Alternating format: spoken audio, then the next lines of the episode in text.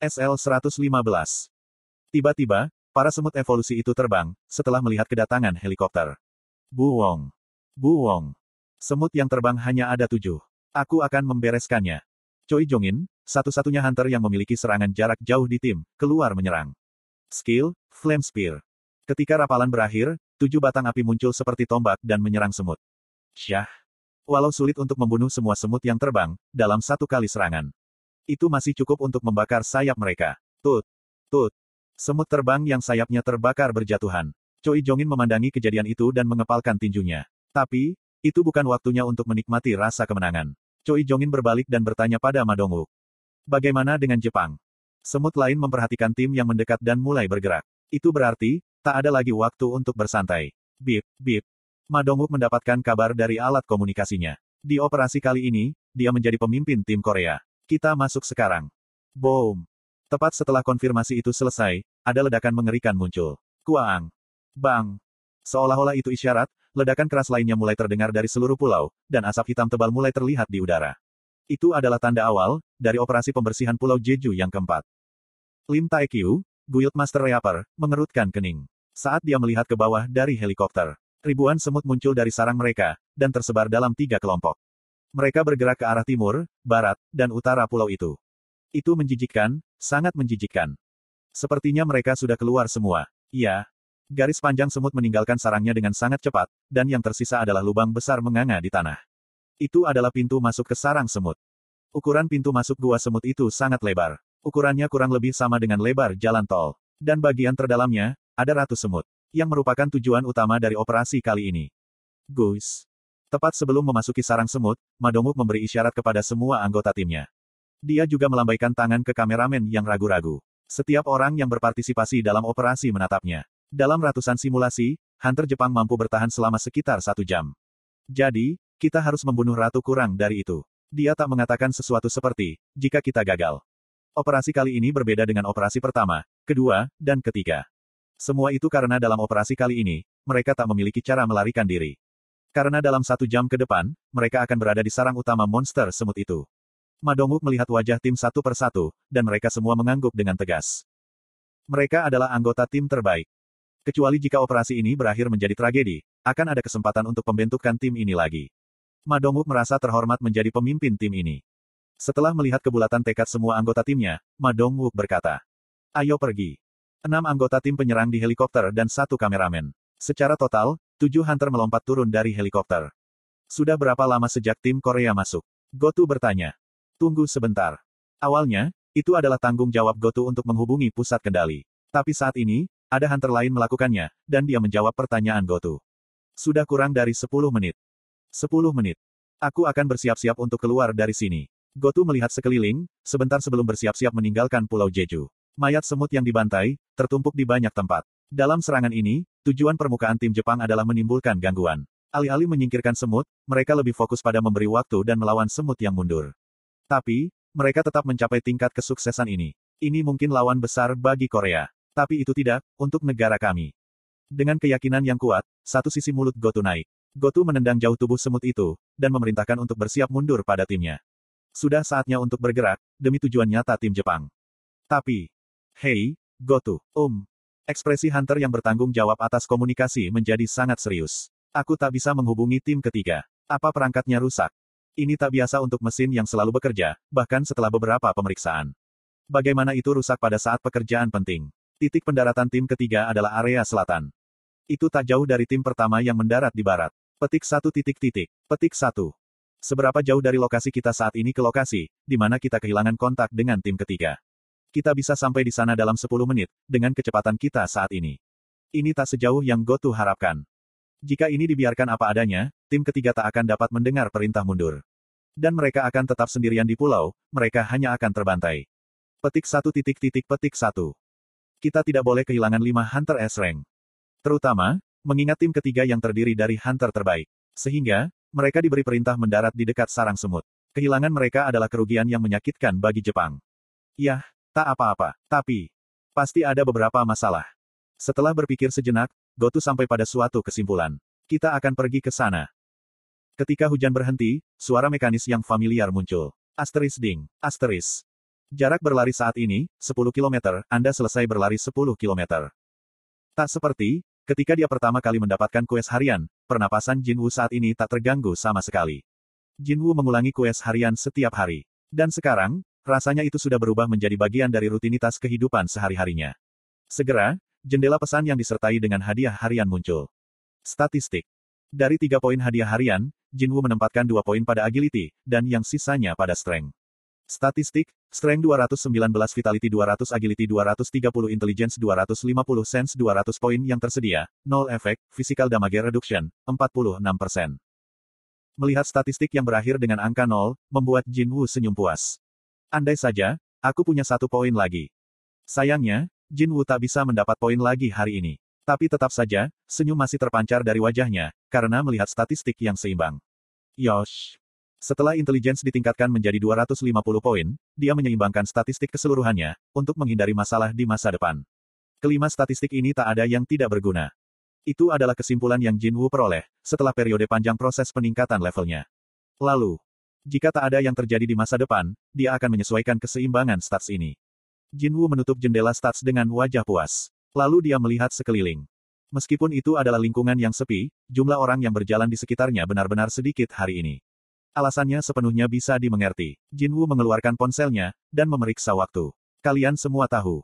Ini sudah waktunya bagi aliansi Korea-Jepang untuk melakukan raid. Seluruh negara akan terpaku pada layar televisi saat ini. Jinwu mengubah arahnya. Kues sudah berakhir, tapi langkahnya ke rumah lebih cepat dari biasanya. Operasi itu lancar. Tim Madonguk memasuki bagian dalam gua semut tanpa masalah, semua seperti yang direncanakan Jepang. Bagian dalam sarang semut mirip dengan Dungeon tipe gua. Tapi bedanya adalah Hemparahan termasuk ke dalam dungeon tipe gua ini tanpa batu bercahaya. Petik satu titik titik petik satu. Gelap. Meskipun dia memiliki pengalaman yang cukup banyak di dalam dungeon, kameramen itu tetap saja menelan ludah keringnya karena tegang. Dia berada di bagian paling belakang tim. Di depan, Choi Jongin menyalakan api, dan seluruh hunter mengikutinya dengan cermat.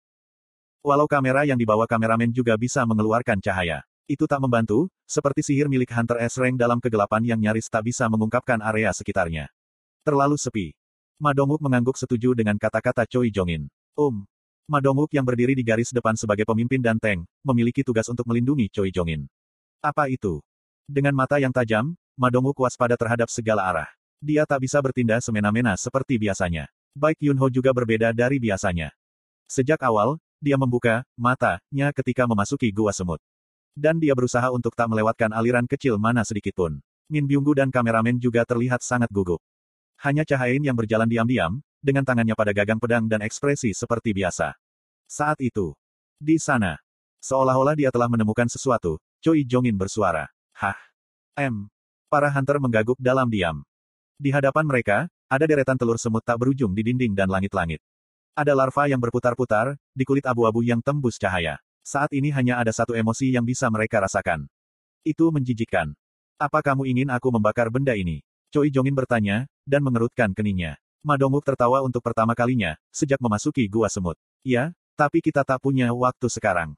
Bahkan jika mereka semua menetas, masa hidup mereka hanya satu tahun. Jadi, tak ada gunanya melakukan itu. Jika mereka bisa menyingkirkan ibu mereka, mereka tak perlu khawatir. Ada yang datang. Baik Yunho memperingatkan, dan menunjuk ke arah kegelapan. Dan sebelum dia bisa berbicara, Cahain sudah menarik pedangnya.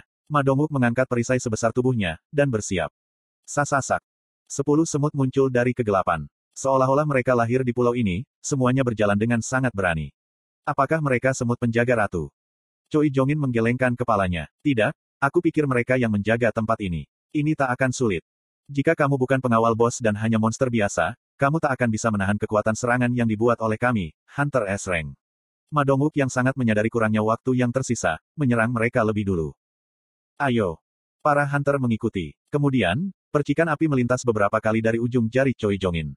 Dan panah yang ditembakkan oleh Lim Taegiu memecah udara. Sesuai dugaan Madonguk, pertarungan dengan cepat berakhir. Kih. Semut terakhir jatuh. Cahain menyapu cairan tubuh semut dari pedangnya. Tiba-tiba Madonguk berkata. Jika telur mereka ada di sini, Choi Jongin melanjutkan kata-kata Madonguk dengan tenang. Itu berarti, ruangan ratu ada di dekat sini. Sementara masing-masing dari mereka memeriksa peralatan mereka. Si kameramen yang melihat sekeliling, tiba-tiba menjerit. Hak. Para hunter menatap kameramen. Aku minta maaf, aku minta maaf. Dia membungkuk meminta maaf, melupakan fakta jika semua orang menonton siaran dengan kamera di kepalanya. Baik Yunho mendekat, dan bertanya karena penasaran. Ada apa? Oh, tak ada. Kameramen tertawa dan menunjuk ke satu sudut. Hanya ada tumpukan besar telur yang sudah menetas, dan salah satunya sangat besar. Petik satu titik tanda seru petik satu. Mata baik Yunho melebar. Itu benar. Sementara telur semut-semut lain hanya seukuran roda sepeda, telur yang kameraman tunjuk, memiliki ukuran sebesar manusia. Tidak. Karena bentuk oval memanjang itu mungkin salah satu dari telur anhibrid mutasi semut manusia. Apakah ini telur semut? Apa yang akan dilahirkan dari itu? Min Byunggu yang baru saja mendekati telur monster itu, tampak terkejut. Baik Yunho yang wajahnya mengeras untuk beberapa saat, tiba-tiba menenangkan diri dan menepuk punggung Min Byunggu dengan senyum lebar. Kita hanya perlu mengalahkan ratu. Kamu tak perlu khawatir tentang hal lain. Ya. Min Byunggu berbalik dan pergi ke tempat para hunter. Tapi Baik Yunho sekali lagi kembali menatap telur itu. Tak masuk akal, Gotu tak bisa mempercayainya. Hak. Ah. Para hunter lainnya terdiam atau menelan ludah. Gotu melihat sekeliling dan mengerutkan kening. Hunter dari tim ketiga ditemukan di tempat, di mana mereka kehilangan kontak. Dan semuanya tanpa kepala. Ini sangat mengejutkan, bagi para hunter lain untuk melihat lima hunter teman mereka terbaring mati di lantai dengan kondisi mengenaskan. Petik satu titik titik. Petik satu. Gotu yang terdiam, mendekati dan melihat mayat para hunter itu. Mereka tak terpotong oleh sesuatu yang tajam. Tenggorokan para hunter itu lebih seperti dicabik-cabik. Berapa banyak kekuatan yang diperlukan, untuk mencabik tenggorokan seperti ini. Sementara Gotu kaget, satu hunter mendekat dan muntah. Semut-semut ini. Gotu menggelengkan kepalanya. Bukan mereka. Apa? Ini semut mutasi, itu berarti. Gloops. Gotu menelan ludah. Tak peduli seberapa dia teliti melihat sekeliling, tak ada tanda pertempuran di sekitar mayat. Jika semut menyerang dengan jumlah dan tim ketiga dimusnahkan, maka mayat semut dan tanda-tanda lainnya seharusnya tetap ada. Tapi, sama sekali tak ada yang seperti itu. Selain itu, luka para hunter ini Menilai dari posisi serangannya, dia sepertinya diserang oleh seseorang. Apa yang bisa membuat hunter Jepang paling elit menjadi seperti itu, satu-satunya orang yang bisa melakukan hal seperti itu, pada saat tertentu, adalah bos dari Dungeon S-Rank. Gotu mengambil transceiver telepon satelit, yang digunakan oleh hunter di sebelahnya, dan memberi kekuatan pada suaranya. Ini Gotu. Bicaralah. Di mana Ratu? Apakah dia keluar dari sarang? Aku akan periksa. Pria itu memeriksa dengan kamera pendeteksi kekuatan sihir, yang terpasang pada satelit. Itu adalah teknologi yang hanya dimiliki oleh Amerika Serikat, Jepang, dan Cina di seluruh dunia ini. Tapi pada kenyataannya, salah satu dari mereka, Cina telah meretas teknologi Amerika itu dan menyalinnya. Sehingga, teknologi asli dimiliki oleh Amerika dan Jepang. Lokasi ratu yang dipantau Jepang secara real-time dengan teknologi kelas dunia, berasal dari receiver. Tidak, sang ratu berada di ruangannya sepanjang waktu. Ah, Hunter Korea sudah masuk ke sana sekarang. Apa? Gotu tiba-tiba berdiri. Dia merasa hatinya tenggelam ke perutnya. Itu bukan ratu. Napas Gotu bertambah cepat. Ada yang salah di sini. Gotu berkata dengan tergesa-gesa. Segera berikan perintah mundur. Katakan pada semua hunter Jepang untuk segera meninggalkan pulau. Dipahami.